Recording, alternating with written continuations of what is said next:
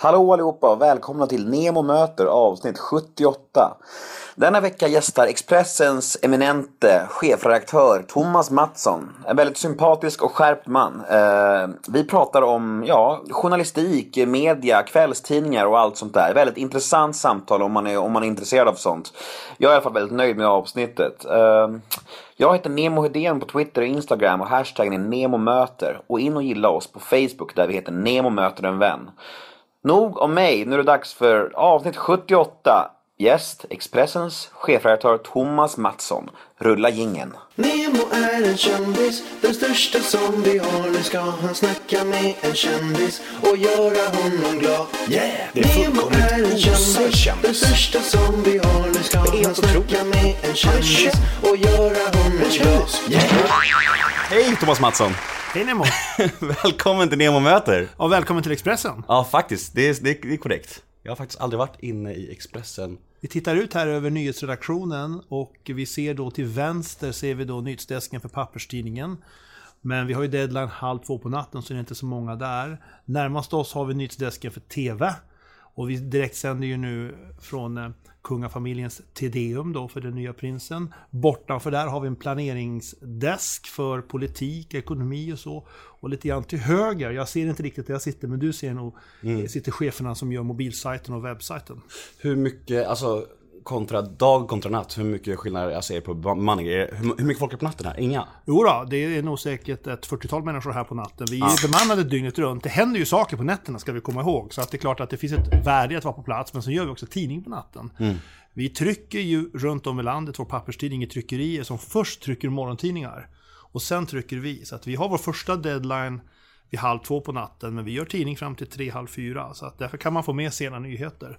Och vi kommer ju ut årets alla dagar. Vi är inte som en morgontidning som tar ledigt när det blir jul och nyår och röda dagar. Så att det är klart att det är bemannat här hela tiden.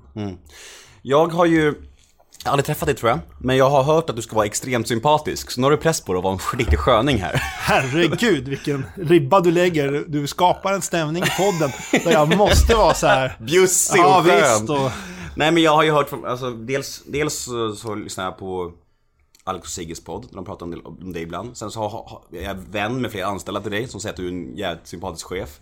Så nu får du bara helt enkelt vara skön. var tur att jag gav, började med att ge dig en Loka direkt här Ja, nu, innan. fem plus.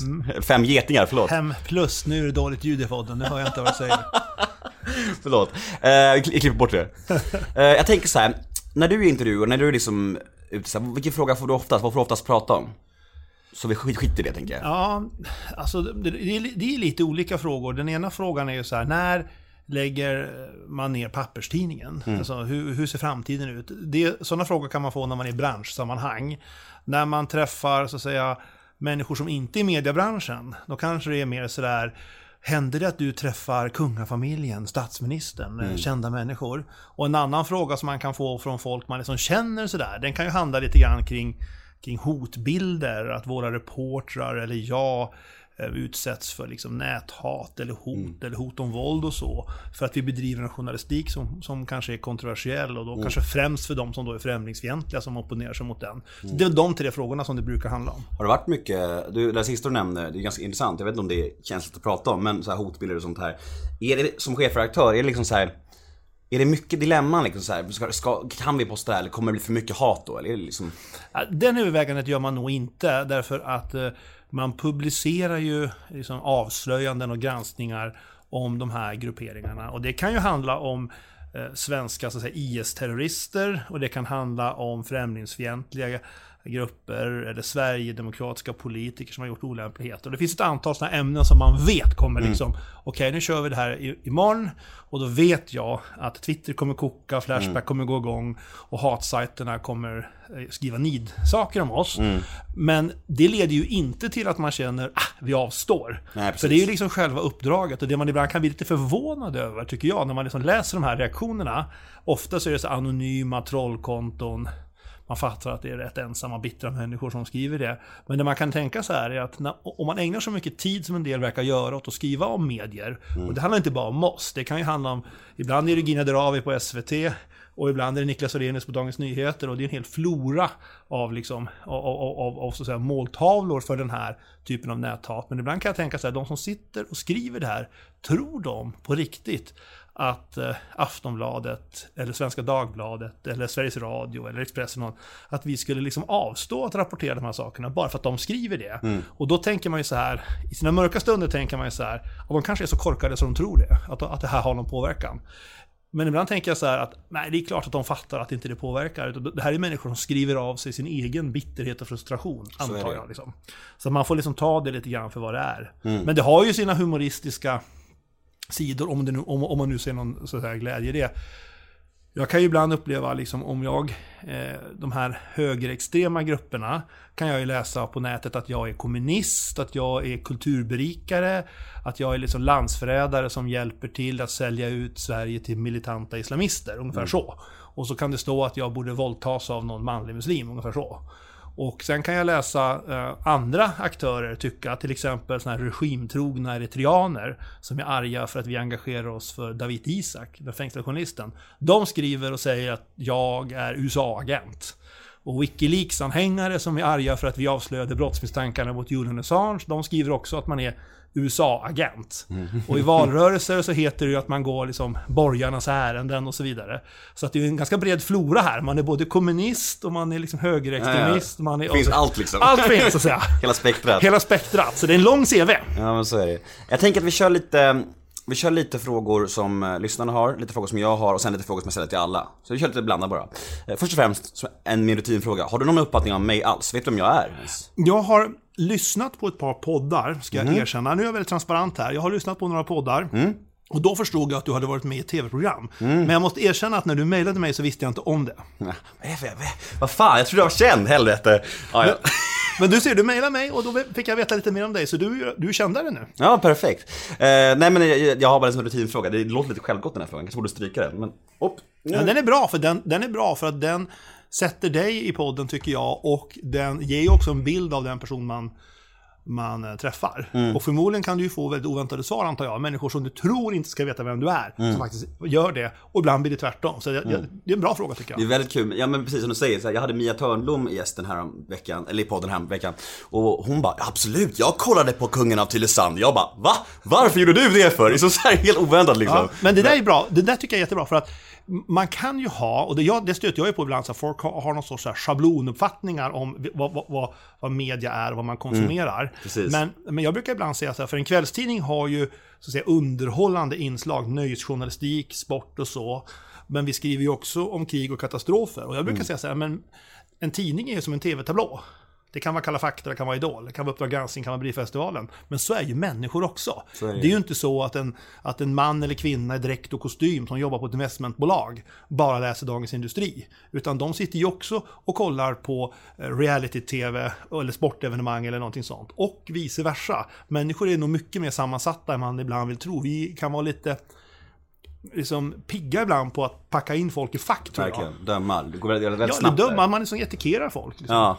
Vet du, den chefredaktör, alltså hur blir man det för någon som inte vet? Vad, hur var din resa? Vilka poster har du haft liksom innan? På, på Expressen eller liksom?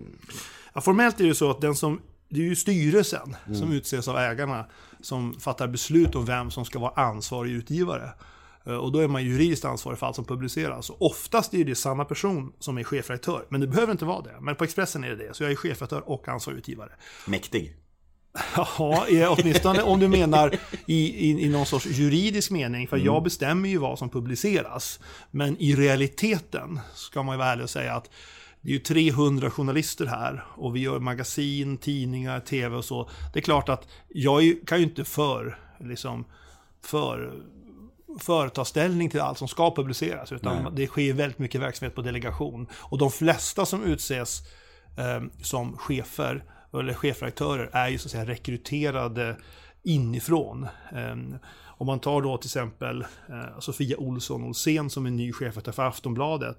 Då jobbade hon ju tidigare som redaktionschef. Peter Wolodarski som är chefredaktör för DN, han var ju chef för ledarredaktionen. Fredrik Karén som är chefredaktör för Svenska Dagbladet har haft olika chefsroller på Svenskan och så. Så den, den vanliga rekryteringsgången är nog att man har en medarbetare som kommer inifrån verksamheten, som kan kulturen, medarbetarna, eh, värdegrunden för den produkten. och så tillsätts man som chef. Jag tänker lite så här, jag, jag är väldigt nyfiken på hur det fungerar så här med etik och moral när man liksom är chefredaktör, för du har ju ändå sista ordet. Och kan, är du aldrig med om att, liksom, att det är vissa saker som ni funderar på att publicera, men så kanske liksom, jag vet inte, du kanske, du kanske känner sig fan det här kommer skada den här människan väldigt mycket och så kanske du rent, rent av känner att det inte är riktigt värt det. Eller är det alltid så här, du måste alltid tänka så här, det här blir en bra Nej, nej, nyhet. nej, nej, nej, nej, men det är en jättebra fråga för att det är ju betydligt mer som vi avstår från att publicera än som vi publicerar. Och vi kan ju då, och det kan ju dels handla om att man har kunskaper om förhållanden, alltså inte förhållanden i, i någon sorts romantisk mening, utan faktamässiga förhållanden. Alternativt kunskaper om, om individer som man så att säga helt väljer att avstå. För att det här skulle förmodligen vara liksom intressant för folk att ta del av, men har det verkligen något allmänintresse? Och om det har det, vilket det kanske har, eh, uppväger det allmänintresset den så att säga, publicitetsskada som den här människan kanske kommer uppleva. Och där väljer man ju ibland bort hela ämnen. Hela, hela, liksom, hela, hela publiceringar. Och sen finns det ju det här mellanläget då, att vi ska skriva om någonting och vi skriver om det, eller berättar om det i TV, men vi berättar kanske inte riktigt allt. Vi kanske, det kanske finns ännu mer bilder och ännu mer fakta. Men, men vi behöver inte publicera dem för att det räcker som det är, så att säga. Men kan ni ha en dialog då med människan det kan drabba liksom? Så här, säg så här, vad, vi kommer att göra det här nu, liksom, så här, bara så du vet liksom, så här, eller, eller kan vi göra det här? Eller hur funkar det? Det, den dialogen kan förekomma och det är väl ett allmänt råd då till de människor som, som utsätts för en mediegranskning att så långt som möjligt försöka föra en sån dialog själv. Alltså det, det finns ju människor som säger så här, jag vill inte svara på några frågor, eh, jag har inga kommentarer, så stänger man dörren. Det är ju en rätt korkad så att säga, mediehantering. Eh, Riktigt professionella personer försöker ju föra en sån här dialog. Okej, vad är det ni ska skriva? Vad kan jag tillföra? Eh, Man har ju också möjligheten då om man själv blir granskad att kanske korrigera, för det kan ju förekomma missförstånd och det kan ju vara och så. Say hello to a new era of mental health care. Cerebral is here to help you achieve your mental wellness goals with professional therapy and medication management support. 100% online. You'll experience the all new Cerebral Way, an innovative approach to mental wellness designed around you. You'll get a personalized treatment plan from a therapist, prescriber, or both in a safe and judgment free space. Your cerebral therapist or prescriber will outline a customized plan with clear milestones along the way so you can get to feeling your best. With Cerebral, you're not alone in your mental health journey. We're here to empower you to live a fulfilling life. So take that first step towards a brighter future and sign up today at cerebral.com slash podcast and use code ACAST to get 15% off your first month. Offer only valid on monthly plans. Other exclusions may apply. Offer ends July 31st, 2024. See site for details. Eh, Så att den dialogen kan absolut förekomma, men de människor som förekommer i så stora medier som Expressen och kanske andra tidningar och tv och radio också, det är oftast människor som har en sån så att säga, offentlig roll inom sport, nöje, politik, ekonomi och så vidare. Att de är ganska medievana och de vet oftast att när det knackar på dörren från en stor redaktion då, då, då är det av ett, på grund av att det är någon riktig sak som ska berättas. Sen kan man ju ändå tycka, om man är den personen som det handlar om, att det är otroligt jobbigt för att man blir kritiserad eller kanske avslöjad och man kanske måste be om ursäkt i offentligheten eller till sina partikamrater eller till sin familj eller vad det nu är. Men det görs hela tiden överväganden om vad som är så att säga, rimligt att publicera. När det är såna här, eh, när du har ett svårt dilemma, om ska du publicera här eller inte, tar du beslutet själv eller, eller kan du liksom göra en omröstning på redaktionen eller hur kan det gå till liksom? Ja, Omröstning gör, gör vi inte. Hand- Handuppräckning? Handuppräckning, så här, mentometern på. Ja, precis. Nej, men, men det, det är olika för att en del beslut fattar man ju själv. För Mm. att ta, är, det- är det ja eller nej, hur ska vi göra här? Eh, Eh, och väldigt mycket fattas på delegation, att man har lagt principer och vi har haft tidigare publiceringar och verksamheten själv fattar de besluten. Eh, men ibland kan det vara frågor där det verkligen man kan diskutera och det kan, det kan ibland handla inte bara om så här, ska vi publicera eller inte? Eller ska vi publicera namn och bild eller inte? Det kan också handla om hur vi publicerar, vilken Mm. ordning och vilken tidpunkt och vilken kanal. Ska det här gå på webben eller tv eller tidningen? Mm. Är det en publicering eller är det tre dagar? Och det är rätt vanligt att man har en, en diskussion då, flera. Karin Olsson som är, som är ställföreträdande ansvarig utgivare, eller Magnus Alselin som är, som är redaktionschef, Claes Granström redaktionschef, Lina Bodin redaktionschef. Det är en grupp människor som pratar Mm. om det här. Och, då kanske de, och de som då jobbar med ämnet så att säga. Kan, har det varit någon, någon gång, något exempel du kanske kan ge till och med, där ni har publicerat någonting, där du märker i efterhand att det har blivit lite fel? Att liksom, ni- du märker att det kanske blir mer konsekvenser för den människan än vad du hade tänkt dig och du kanske ångrar dig och mår då- dåligt över det? Har det hänt någon gång? Ja, men alltså, det är klart, vi gör, vi gör ungefär 400 publiceringar varje dag i de digitala kanalerna. Klart det har hänt, ja det är klart. Ja, och sen ger vi ut Expressen, GT, Kvällsposten och 300 tryckta magasin. Så det är klart att jag kan ju varje dag öppna tidningen och känna någonting borde ha blivit bättre. Mm. Och jag kan titta på en tv-sändning och känna att mm, där borde vi kanske gjort si eller så. Där vart vi studiotunga och där borde vi haft bilder. Eller, eller så här, Studiotunga, vad är det Ja, att vi, att vi hamnar i, programledaren står och pratar i studion med en gäst istället för att ligga live på fältet med Ja, direkt... Ja. Mm. Och det, det är ju hela tiden så att man försöker optimera. Mm. Och det här är en sån här verksamhet där det dessutom inte finns, ibland finns det ju inte heller något rätt eller fel. Jag tänker så här, gud vad jobbigt att vi var i studion och pratade med en gäst hela tiden. Mm. Och du känner, gud vad skönt att man får förklaringar, att det sitter en människa, en expert då, som Mm. kan frågorna. Och vi har ju rätt båda två. Precis. Så, liksom, så vem bestämmer? Så att det är klart att det finns ju hela tiden sådana tillfällen. Men, men de man kommer att tänka på, det är kanske inte de tillfällena när man har liksom funderat väldigt länge och gjort ett överlagt val. För då har man ju verkligen försatt sig i en situation där man har processat det här och så gör man något och sen blir det rätt eller fel. Utan det är ju de här, det, det, det kan ju ske misstag. Det är ju människor som jobbar och de jobbar under stress. Och de jobbar under, under svåra arbetsförhållanden. Och, och då finns det ju några sådana klassiska exempel. eh, Där man har fått liksom knyta slipsen och titta in i tv-kameran och be om ursäkt. Så är det. Kan du ge något exempel? Berätta om det. Eller? Ja, men ett av de första som, som hände mig var ju när jag satt i ett möte i ett konferensrum här tillsammans med ledningen för, för TV4, bland annat Janne Scherman som var VD. Och vi, vi hade i flera dagar granskat LOs dåvarande ordförande Vanja Lundby Wedin. Och det knackade på dörren. Det hade en stor publicering i tidningen och det knackade på dörren och någon kom och sa kom ut nu. Och jag tyckte väl att jag sitter i möte med TV4 här. Ja, men det är nog bäst att du kommer ut går jag ut och sen så vi har, vi har Vanja på bild på första sidan i tidningen och den här är liksom på förmiddagen och den har ju, tidningen den har ju tryckts och setts av en halv miljon människor och den har ju legat i tv, du vet på morgon, i morgon-tv ligger ju TV, tidningen där och ingen har reagerat. Och då säger den här som jag pratar med så här att det är ett litet problem så här, vi har ju Vanja på bild i tidningen och eh, och jag tittar på tidningen och det är inte Vanja. Jag, jag, jag tittar på bilden och så här, jo men det är ju Vanja säger jag. Nja, hon är ju väldigt lik, men det är inte Vanja. Och då- Skitroligt! Ja, det kan du ju tycka nu. Men jag det är kul. hade lätt att ha mig för skratt. Och då säger jag så här, det här är jättekonstigt, för vi har ju också en intervju med Vanja. Ja, det är inte Vanja vi har pratat med. Ja men shit vad sjukt. Och då inser man så här att det är en kvinna som bor på samma adress, som hade vissa likheter får man ändå säga. Och som då har, har och det här har skett i mörkret och hon har klivit ut ett fordon och vi har ställt frågor till henne. Och de frågorna är helt så här, handlar om hennes deklaration. Och den här kvinnan då, som vi då tror är Vanja, har svarat så här, nej men jag vill inte prata om min deklaration, den är privat och sådär. Och när man, när man ser dem i tidningen, det är ju helt rimliga svar Ja, ja, från en LO-ordförande. Men det är också ganska rimliga svar från en privatperson som... som Det är ingen skillnad, liksom. Nej, varför, varför frågar du mig om min deklaration på gatan? Så. Ja. Och det visar sig ju då att det inte var Vanja och det visar sig att den som hade upptäckt detta var inte någon journalist eller Vanja själv. Vanja själv hade sett bilden i tidningen och inte reagerat. Tänkte sig, hm, när är den här bilden tagen på mig? Hon trodde också det var Hon trodde också att det var hon. Hon var Shit, jättestressad. Hon skulle in på ett styrelsemöte, extra styrelsemöte på LO. Den som upptäcker detta är av alla människor Mona Salin. Mona Salin har en bussresa den här dagen som journalister åker med på. Och där är en av våra reportrar med på den, Ingvar Hedlund. Och då tar Mona Salin Ingvar Hedlund avsides och säger så här, du jag undrar, det är något konstigt med den här bilden.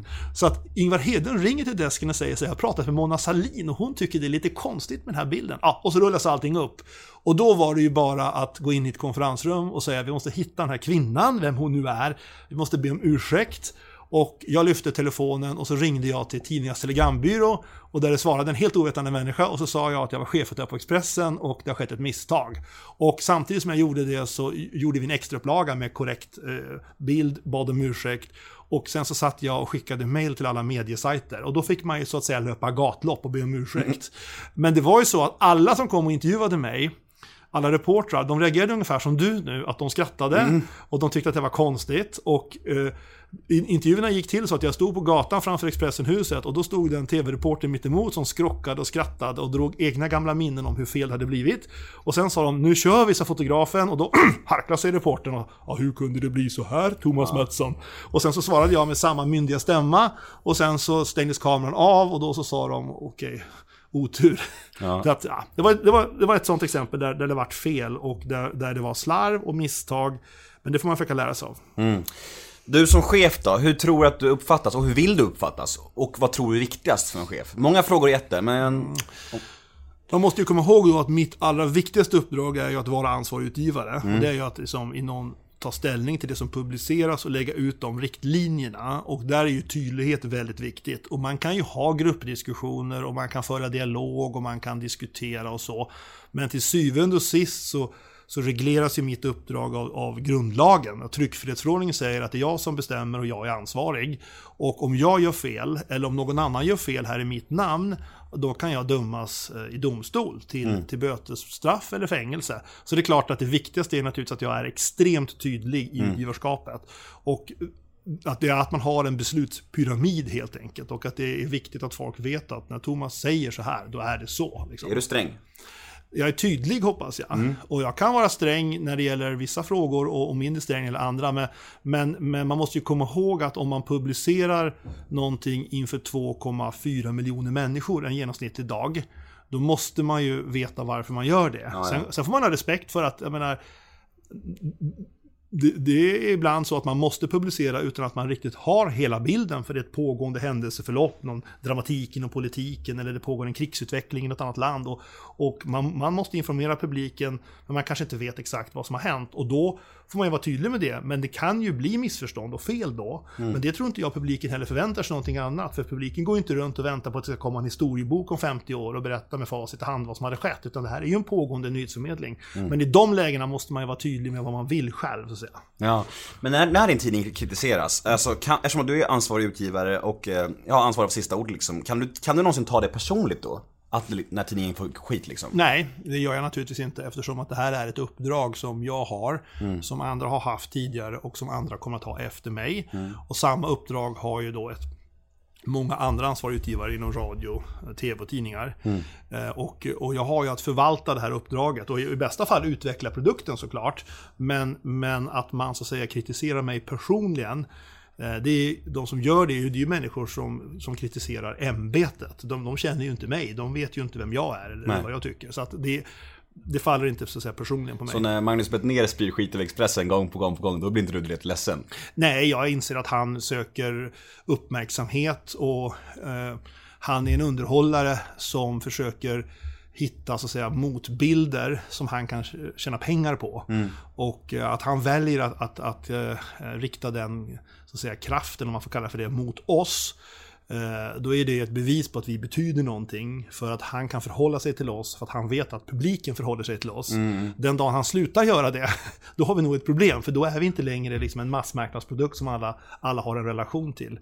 Eh, det är ju många som vill plocka liksom enkla poänger och sådär. Och det är ju inte bara, det, det, det- förekommer i sociala medier och det, och det kan vara komiker och så. Men det är väl en del av, liksom, tror jag, spänningen i varumärket. Att man ska liksom, det, ska vara lite grann sådär, man, om man tänker sig den gamla tiden när man går fram till kassalinjen i affären. Så ska man, man ska inte tänka så här, gud vad skönt, där ligger en varm och mysig trevlig Expressen och väntar. Utan man ska känna när man rullar vagnen fram så där, undrar vad de där har hittat på idag. Ja, ja, och ibland känner man så här, de är fan inte kloka. Och ibland känner man, usch vad briljant, vilken formulering, vilken bild. Den spänningen tror jag är jätte, jätteviktig. Eh, ni värvade nyligen Alex Schulman hit. Ja. Eh, kan du inte berätta lite mer om den värvningen, hur den gick till? Och för det alltså, för vi som är skapligt insatta i media förstår att det är lite av en prestigevärvning att värva någon från Aftonbladet till Expressen. Kan du berätta lite om den värvningen, hur det gick till? Ja, vi värvade ju häromdagen också Johan Hakelius från Aftonbladet till Expressen som krönikör och vi kommer ha Klara Lidström, underbara Klara, också som krönikör. Så vi har haft ett antal nya rekryteringar som vi har presenterat senaste veckan. Men Alex Schulman, han är ju naturligtvis en av, av så att säga, Sveriges mest eh, briljanta eh, skribenter och eh, begåvade, vad ska vi säga, samtidskonstnärer, kan vi säga så? Med, med sina scenshower, med böckerna, med, med podden såklart. Tillsammans med, med, med, Sigge Eklund och med sina krönikor i Aftonbladet och sina webb-tv-program och så, så. Han är ju en av den så att säga, moderna medievärldens klarast lysande stjärnor. Och det är naturligtvis därför som stora medier som Aftonbladet och Expressen, men också stora företag vill associera sig med honom. Och jag tror att han kommer att, så att säga, tillföra eh, någonting till oss. Han har lite andra perspektiv än vad kanske några av våra nuvarande skribenter har. Eh, han Hey, I'm Ryan Reynolds. Recently, I asked Mint Mobile's legal team if big wireless companies are allowed to raise prices due to inflation. They said yes. And then when I asked if raising prices technically violates those onerous two year contracts, they said, What the f are you talking about, you insane Hollywood ass? F- So to recap, we're cutting the price of Mint Unlimited from $30 a month to just $15 a month. Give it a try at mintmobile.com slash switch. $45 upfront for three months plus taxes and fees. Promo rate for new customers for limited time. Unlimited more than 40 gigabytes per month. Slows. Full terms at mintmobile.com. bidrar kanske också med en egen publik som han kan tillföra Expressen. Så att om man bara har, det var bakgrunden till att Alex är liksom en, en, en tror jag, en, en, en- person som kommer bidra till att göra Expressen bättre. Men det där, du har helt rätt i det, eh, den här klassiska konflikten mellan kvällstidningarna, spänningen varumärkena emellan, den är, är viktig. Dels för att den skapar en produktutveckling, en nyhetsjakt. Liksom. Vi har bilderna på kronprinsessan Victorias eh, smekmånad. Det har inte Aftonbladet. Och så vidare. Så att säga. Eh, och att då rekrytera Alex, det låter sig ju inte göras genom att man liksom bokar en lunch med honom i gallerian. Utan då, då, då blir det ju så att någon bokar ett möte med honom, i det här fallet vår redaktionschef Magnus Alselind, på lite mer diskret lokal och sen så försöker man eh, säkra honom vid sittande bord. Och i det här fallet så skrevs det ett kontraktsförslag på en servett som skickades över bordet. Och så försöker man på det sättet då göra klart med honom direkt och sen finalisera det eh, omedelbart innan vår, innan vår huvudkonkurrent kan göra ett motdrag. Är, jag menar, rivaliteten mellan Aftonbladet och Expressen, är den lika intensiv nu som för liksom 10-15 år sedan? Liksom. Är det samma sak? Ja, ur ett produktutvecklingsperspektiv så är det ju det. Det är liksom viktigt för båda tidningarna att, att komma med nya produkter. Um, när vi säger att vi ska släppa vår Apple Watch app eller vår Samsung Wearables app samma dag som Samsung och Apple släpper själva produkterna. Och då gör ju vi det inte för att svenska folket går man ur huset samma dag och köper. Alltså när Apple TV släpps och vi har en app samma dag, då är det ingen svensk som har en Apple TV. Men vi berättar ändå om att vi gör det. Och det är ju inte för att vi tror att vi får en miljon tittare den dagen. Utan det är för att det är viktigt för, för vårt varumärke att vi liksom är innovativa, att vi visar mot publiken och annonsörerna och branschen att vi är före vår huvudkonkurrent. Och det kommer, om man är före sin huvudkonkurrent när det gäller produktutveckling, så kommer det också skapa ett momentum i organisationen som bidrar till att man också kanske är först med nyheter. Så att i, de, i den delen så är Aftonbladet och Expressen, som ju är de två stora räckviddsmedierna, väldigt hårda konkurrenter. Sen tror jag att i relationen människor emellan så har den professionaliserats väldigt mycket jämfört med hur det kanske var för 10, 20, 30 år sedan. När det kunde vara lite hårdare tag på fältet. Nu och där det liksom, när jag började på på, på Expressen så fick man ju lära sig att man skulle ju inte hälsa på Aftonbladet. Alltså om jag var på en, på en idrottsevenemang så var vi ju oftast fler utsända än vad vår konkurrent var. Och en fördel för oss då var att vi hade ett socialt sammanhang, hade inte dem. Det var en Aftonbladet-reporter, vi var tre från Expressen. Vi skulle inte hälsa på dem. Vi skulle stå och prata själva, ha kul och ha mysigt. Och den här personen skulle i bästa fall stå 10 meter bort och titta på oss. Undra vad pratar de om?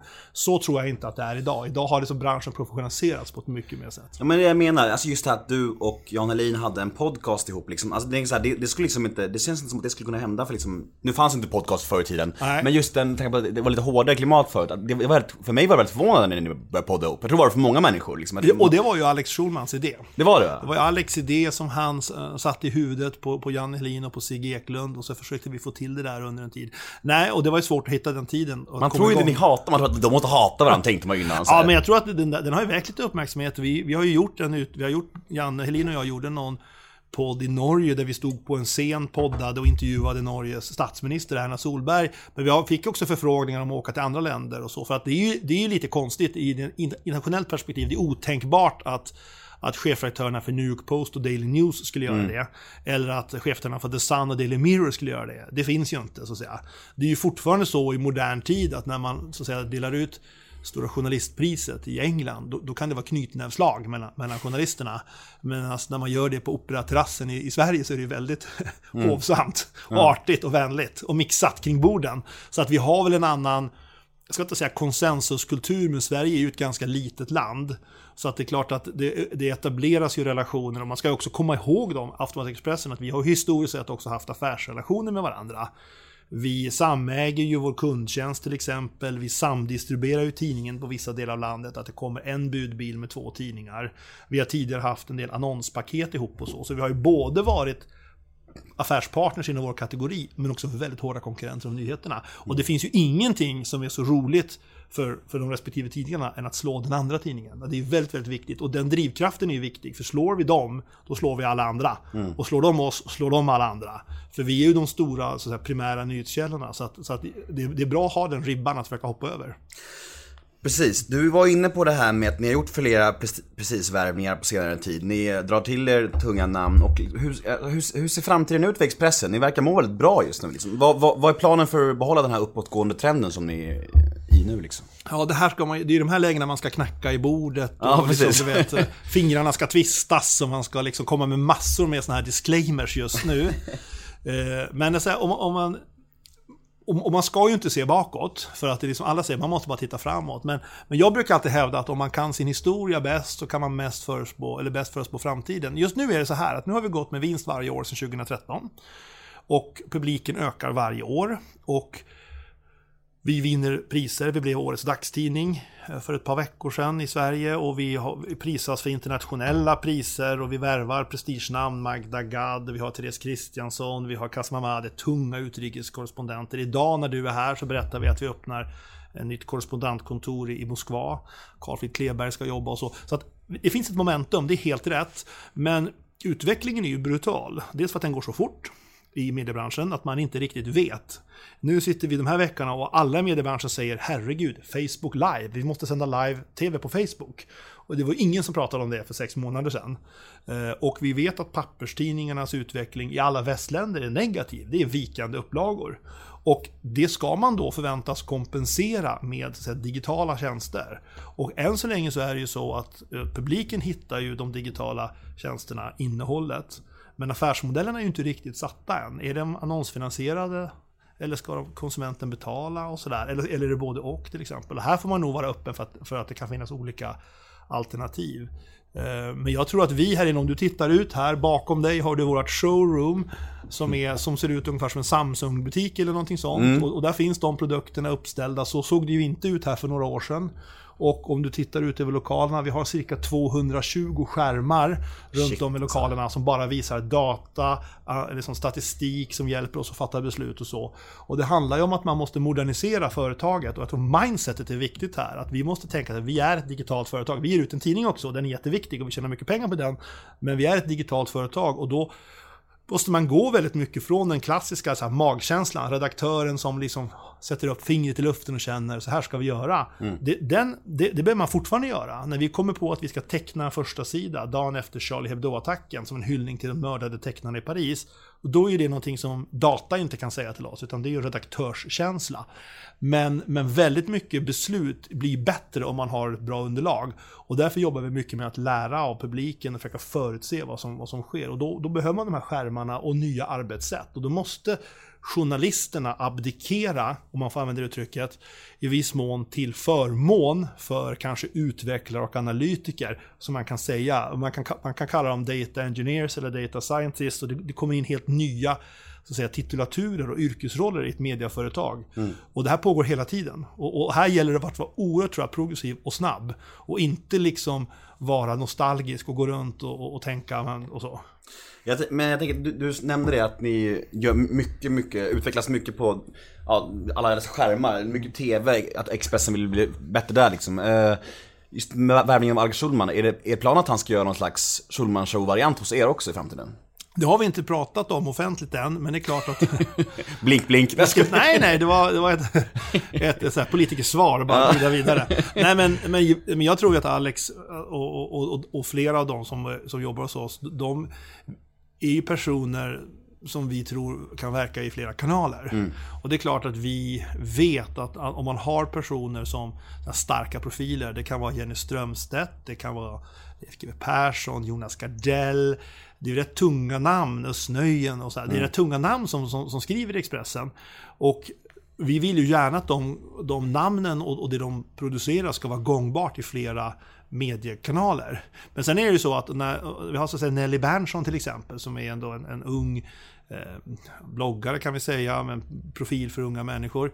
Eh, det är klart att hon ändå är så att säga stark, starkare i en ung målgrupp än, än hon är i, i en äldre målgrupp. Så det är klart att det finns ju exempel på, på personer som, som vi profilerar som kanske inte riktar sig mot alla. Eh, Men, men i mångt och mycket, om man når 2,5 miljon människor om dagen, det är klart att då, då, då är man ju en så bred produkt att man behöver ha profiler som, som når ut till väldigt många människor. Jag har tre lyssnarfrågor här som jag vill dra igenom allihopa. Först och främst, hur är din relation till Marcus Birro idag?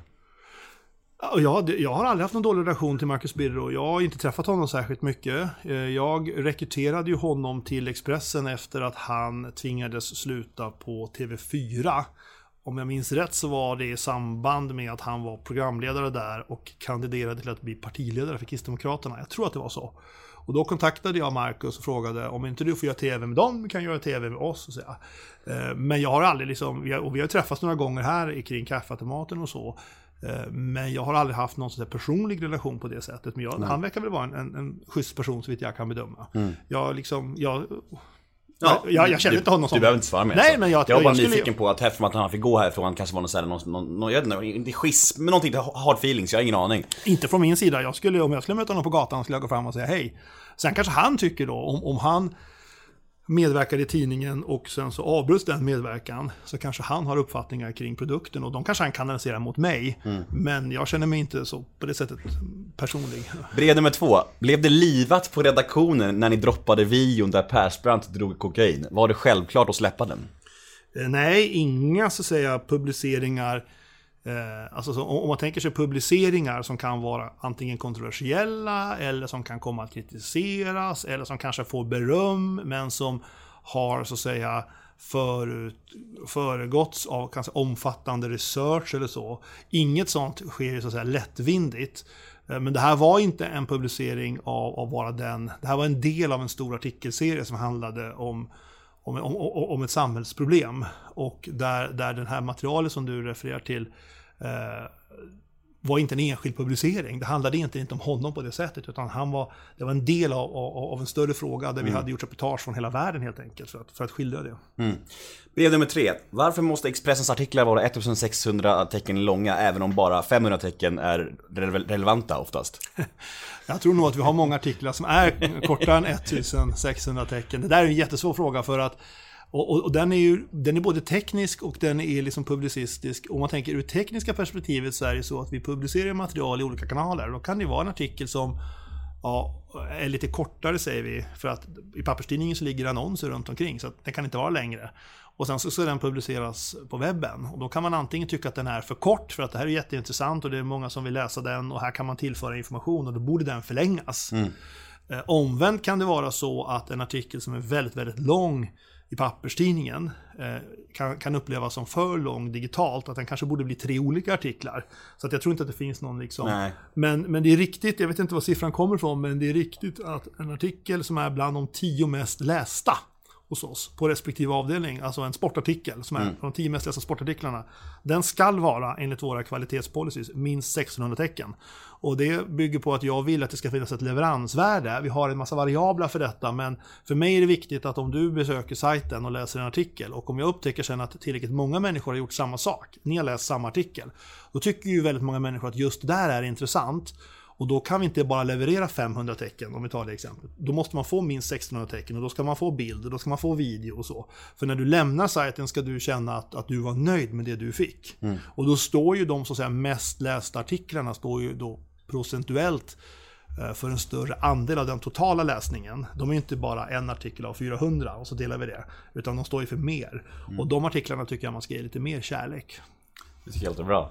Eh, jag tänker, vi pratar lite om hur du är med, som chef, men jag vet inte, har du ens någon chef? Eller blir det Bonnier som är din chef? Eller har, finns det någon VD på Express? Nej, eller hur Ja, funkar det? och, och eh, vi har ju då en VD som har det ekonomiska ansvaret och, Mm. sen finns, och det är ju Gunilla Herlitz som är, som är VD för Expressen och, och som ska sluta i sommar. Och sen så har vi då en styrelseordförande som är Thomas Fransén och han är koncernchef Eh, för Expressen. Och det är styrelsen som formellt utser vem som är, vem som är ansvarig utgivare. Precis, jag tänkte, hur är du själv med kritik? Liksom? Om du får till exempel en tillsägelse av vi säger styr- styrelsen så här, det här- det här var inte bra, därför gör jag annorlunda. Är du bra på att ta sånt där? Kan du bli liksom lite kränkt? Nej, jag säga, Expressens styrelse eh, brukar inte ge tillsägelser om, om innehållet och så. De är väldigt noga med att göra den åtskillnaden. Eh, det är vanligare i så fall, ska jag säga, att jag får kritik från någon som vi har rapporterat om. Eller någon som företräder intressen som vi rapporterar om. Och allra vanligast, det är väl att vi på till exempel sportsidorna skriver om något något idrottslag, någon fotbollsklubb och att de supportrarna eh, som ju kan vara väldigt lojala, och nu trycker jag mig väldigt diplomatiskt, kan reagera med kraft. Eh, och då pratas det om bojkotter och det ena med det andra. Och, och sen har man naturligtvis de här, de, så att säga, de politiska extremschatteringarna. Eh, som ju kan vara väldigt röststarka, inte minst i sociala medier, att vi, vi granskar ett parti och det är ju ofta Sverigedemokraterna eftersom att det regelbundet avslöjas SD-politiker som har rasistiska åsikter och, och döms för brott och så. Och då, då, då finns det en svans där av näthatare och ett antal sådana här äh, hatsajter, du vet fria tider, avpiktas och så vidare. Som ju inte förhåller sig till sanningen, men som gärna vill liksom rikta kritik mot etablerade medier. Det är det vanliga. Men hur, hur förhåller du dig till den? Alltså när, om du får kritik eller kanske till och med hat på sociala medier. Alltså försöker du resonera med dem eller blir det block direkt? Jag har aldrig blockat någon. Är det sant? Aldrig blockat någon. Oj. Eh, så att nej men liksom, de, de här människorna, om, om, vi har fel i tidningen, och, och, om vi skriver att ett och ett är tre, och de säger att det är faktiskt två, då tar jag ju till med den kritiken. Eh, men den här, alltså, säga, nät, den här sociala medier, citat, mediekritiken, som ju kan komma från komiker eller från rasister, den påverkar inte mig alls. Jag skulle aldrig... De kan, jag vet ju vad som är rätt och fel i tidningen. Och jag vet ju hur det förhåller sig. Och att en massa människor i sociala medier tycker tvärtom. eh, De har ju inte alls den insikten som jag har i, i bakgrunden till publiceringen, vad som är de faktiska förhållandena och så vidare. Eh, Så att de avslöjar bara sin okunnighet när de kritiserar oss i så fall. Och det, så det, det påverkar inte mig. Har du ditt drömjobb? Ja, det, vad skulle det vara? Vara manager för Liverpool kanske? Men jag tänker så här, men, Det kanske inte är så sannolikt att jag blir det, men när du säger så och jag har det här jobbet, ska jag uppfatta det då som att det är kört för mig att bli manager för Liverpool? Ja, jag vet inte, är du fo- fotbollsintresserad? Ja, jag har ju, du ser här bakom. Never walk alone. Mm, precis. Nej men det, det är klart att det vore ju häftigt, men det kanske ändå inte är sådär så att... Men jag tänker så, om man är chef för Expressen som är ett ganska mäktigt jobb, alltså har du kvar några personliga drömmar och mål i livet som du vill liksom ha kvar? Eller känner du att fan, du har nått så högt jag kan nästan? Men, jag, men jag, där, den frågan, jag får ibland frågan så här, men hur länge kan man ha det där jobbet? Och jag blev chefredaktör för Expressen.se 2005 och för hela tidningen 2009. Eh, Och hade jag fått det jobbet 10, 20, 30 år tidigare, då hade den här tidsdräkten som jag har suttit, hade nog kanske varit ungefär samma jobb. Men så ser ju inte mediebranschen ut nu. Nu, alltså nu är det väldigt många som pratar om rörlig bild och tv i mediebranschen och för två år sedan, så var det, tre år sedan var det väldigt mycket prat om sociala medier. Och det, så att det är som helt olika jobb. Det, jag tycker att mitt jobb idag, det har nästan ingen likhet med det jobbet som jag fick bara för några år sedan. Då. Och det gör ju, tror jag, att så att säga man hittar nya utmaningar och man, man, man får nya arbetsuppgifter. Fast man kanske på, man har samma visitkort, samma mailadress.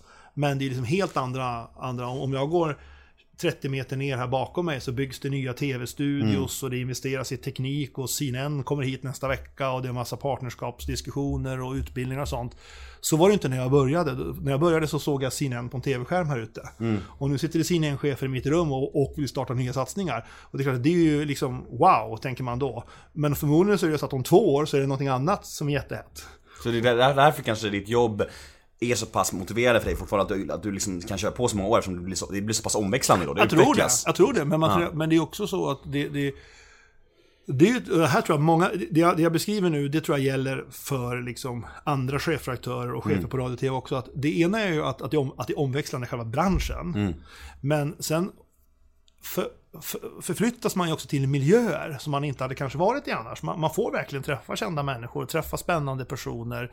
Och ibland är det väldigt svåra beslut och, och du har medarbetare som du ska ta ställning till. Ska de åka till krig och katastrofområden? Eh, Det är livsfarligt för dem om vi ska vara helt ärliga. Och ibland är det liksom tvärtom. Då bevakar man stora konserter, kungabröllop och så. Och det är liksom, man, man förflyttas mellan de här olika världarna och det är helt oförutsägbart. Vi kanske måste bryta den här podcasten om en minut för att någon öppnar dörren och säger någonting otroligt dramatiskt. Nu är det nyhetsläge, vi måste säga tack och hej. Eh, och och den, det spänningsmomentet, eh, eller det utmaningsmomentet, är ju liksom någonting som jag tror ger energi till många publicister. Och den andra utmaning, man träffar många intressanta personer och sen har du också väldigt många så här briljanta medarbetare. Alltså folk som liksom vinner fina priser, de är, de är liksom väldigt duktiga publicister, de drivs av olika krafter, kreativa människor. Och att sitta i massa möten med sådana människor är ju väldigt givande. Att vara med och processa frågor. Liksom. Och sen ska jag säga så här, jag ska inte sticka under stol också med att det finns ju också eh, den här genomslagskraften som, en, som ett stort mediehus har. Att kunna, så att säga, att kunna jag, kan gå och fundera här idag på en eventuell publicering. Och några av de frågor, publiceringar som jag funderar över vet jag om jag gör dem så kommer de att vara i Dagens Eko, den kommer vara Rapport, det kommer stå i DN och svenska folket kommer prata om dem. Och det kanske till och med kommer påverka eh, olika personer och politiska skeenden och så vidare. Och det är klart att det där är ju väldigt fascinerande att vara en del i den beslutsprocessen. Tycker du tycker du om makt? Ja, makt i den mening att jag får vara med och liksom bedriva så att säga, publicistik. Om någon kommer och frågar mig om jag ville bli generaldirektör med oinskränkt makt för någon sorts myndighet placerad i Norrköping eller, eller, eller, eller Kalmar eller så, eller Stockholm. Då skulle jag känna så här, okej, ja det är ju väldigt eh, så här, mycket makt då säger vi, men, men är, är det jag? Utan här är man i någon sorts i gränslandet mellan opinionsbildning, nyhetsförmedling, teknikutveckling, Du får alltihop liksom? Ja, liksom ja, ja, så. Och, och det, tror jag gäller, det tror jag gäller om man hade varit chef på Sveriges Television eller TV4 eller, eller, eller för den delen på Västmanlands Läns Tidning. Det är, liksom, det är samma drivkraft. Sen Mm. kanske organisationerna är större eller mindre. Men jag jobbade ju, har jobbat på lokaltidning och jag har jobbat på på, på en contentbyrå och jobbat lite grann med gratistidning och så. Och det är ju samma drivkrafter. Sen Mm. kanske organisationerna är stora eller, eller små. Liksom. Jag, jag tror att skulle du sitta med BBC-chefen eller chefen för New York Times så skulle de beskriva ungefär samma sak. Mm. Sen är vi mycket mindre än dem, men det är samma liksom drivkrafter tror jag. Du pratar om det här med, med, med att träffa liksom stora, stora, namn, att det kan vara en liten del av drivkraften för vissa, absolut. Men hur är du med kända människor? Kan, kan man bli, du har varit med ganska länge nu i, i mediasvängen och så här. Kan man bli, blir man blasé inför det? Eller kan du, kan du någonsin bli så här fnittrig av att träffa liksom en kunglighet eller en superkändis? Alltså jag ska säga så här, jag träffar, Starstruck liksom. jag träffar ju bara den typen av personer i tjänsten. Jag går ju inte, jag går inte på några så att säga, röda mattor. Jag går, det, Nobelfesten. nej, jag går inte på några så säga, ambassadbjudningar. Jag gör ingenting sånt alls. Jag, jag, jag går, Varför? Nej, men det är så mycket annat med jobb. Man måste ju prioritera här. Så, men, men jag går naturligtvis på de så att säga, tjänsteförrättningar som, som sig bör. Om vi ska uppvakta en minister och diskutera tryckfrihetsförordningen så är jag på plats. Om Expressen är på plats för att kronprinsessan eh, gifter sig, då sitter jag i kyrkan. Och då är jag ju där som en representant för tidningen. Eh, men, men jag är inte en person som liksom rör mig i, i, i miljöer där, där jag får träffa kända människor. För att det har vi andra människor som gör, som är mycket duktigare på. Och Johan T Lindvall och Niklas Svensson och allt vad de heter, de knyter de kontakterna och rör sig i de miljöerna med, med, i, i tjänsten på ett helt annat sätt än, än, vad jag behöver göra. Mitt jobb är primärt här och att ha liksom ett övergripande ansvar för verksamheten. Och, och det är det jag söker min energi i. Så att säga. Jag fattar. Jag tror jag börjar bli klar. Eh, om man vill följa Thomas Mattsson på sociala medier kanske, finns du på? Jag finns på Twitter med att eh, Thomas Mattsson. Jag finns på Instagram, men har väl inte riktigt knäckt Instagram-koden måste jag säga. Jag, Snart. Jag kanske måste fråga Alex och Sigurd om hur fan man gör. Ja, ja, du får göra det. Jag försöker lägga ut lite såna här bilder på böcker om journalistik det verkar inte vara någon, det är ingen gångbart känner jag. Nej, märkligt. Nej, det är Inga förstås, klickbomber. Nej, jag känner det. Det är inte sådär, det är ingen som ringer och vill sponsra mina instaposter om man säger så. Så att, eh, In och följ Thomas Mattsson på Twitter och Instagram. Jag heter Nemo Hedén på Twitter och Instagram. Hashtaggen är NEMOMÖTER. Gilla oss på Facebook, Nemo möter en vän.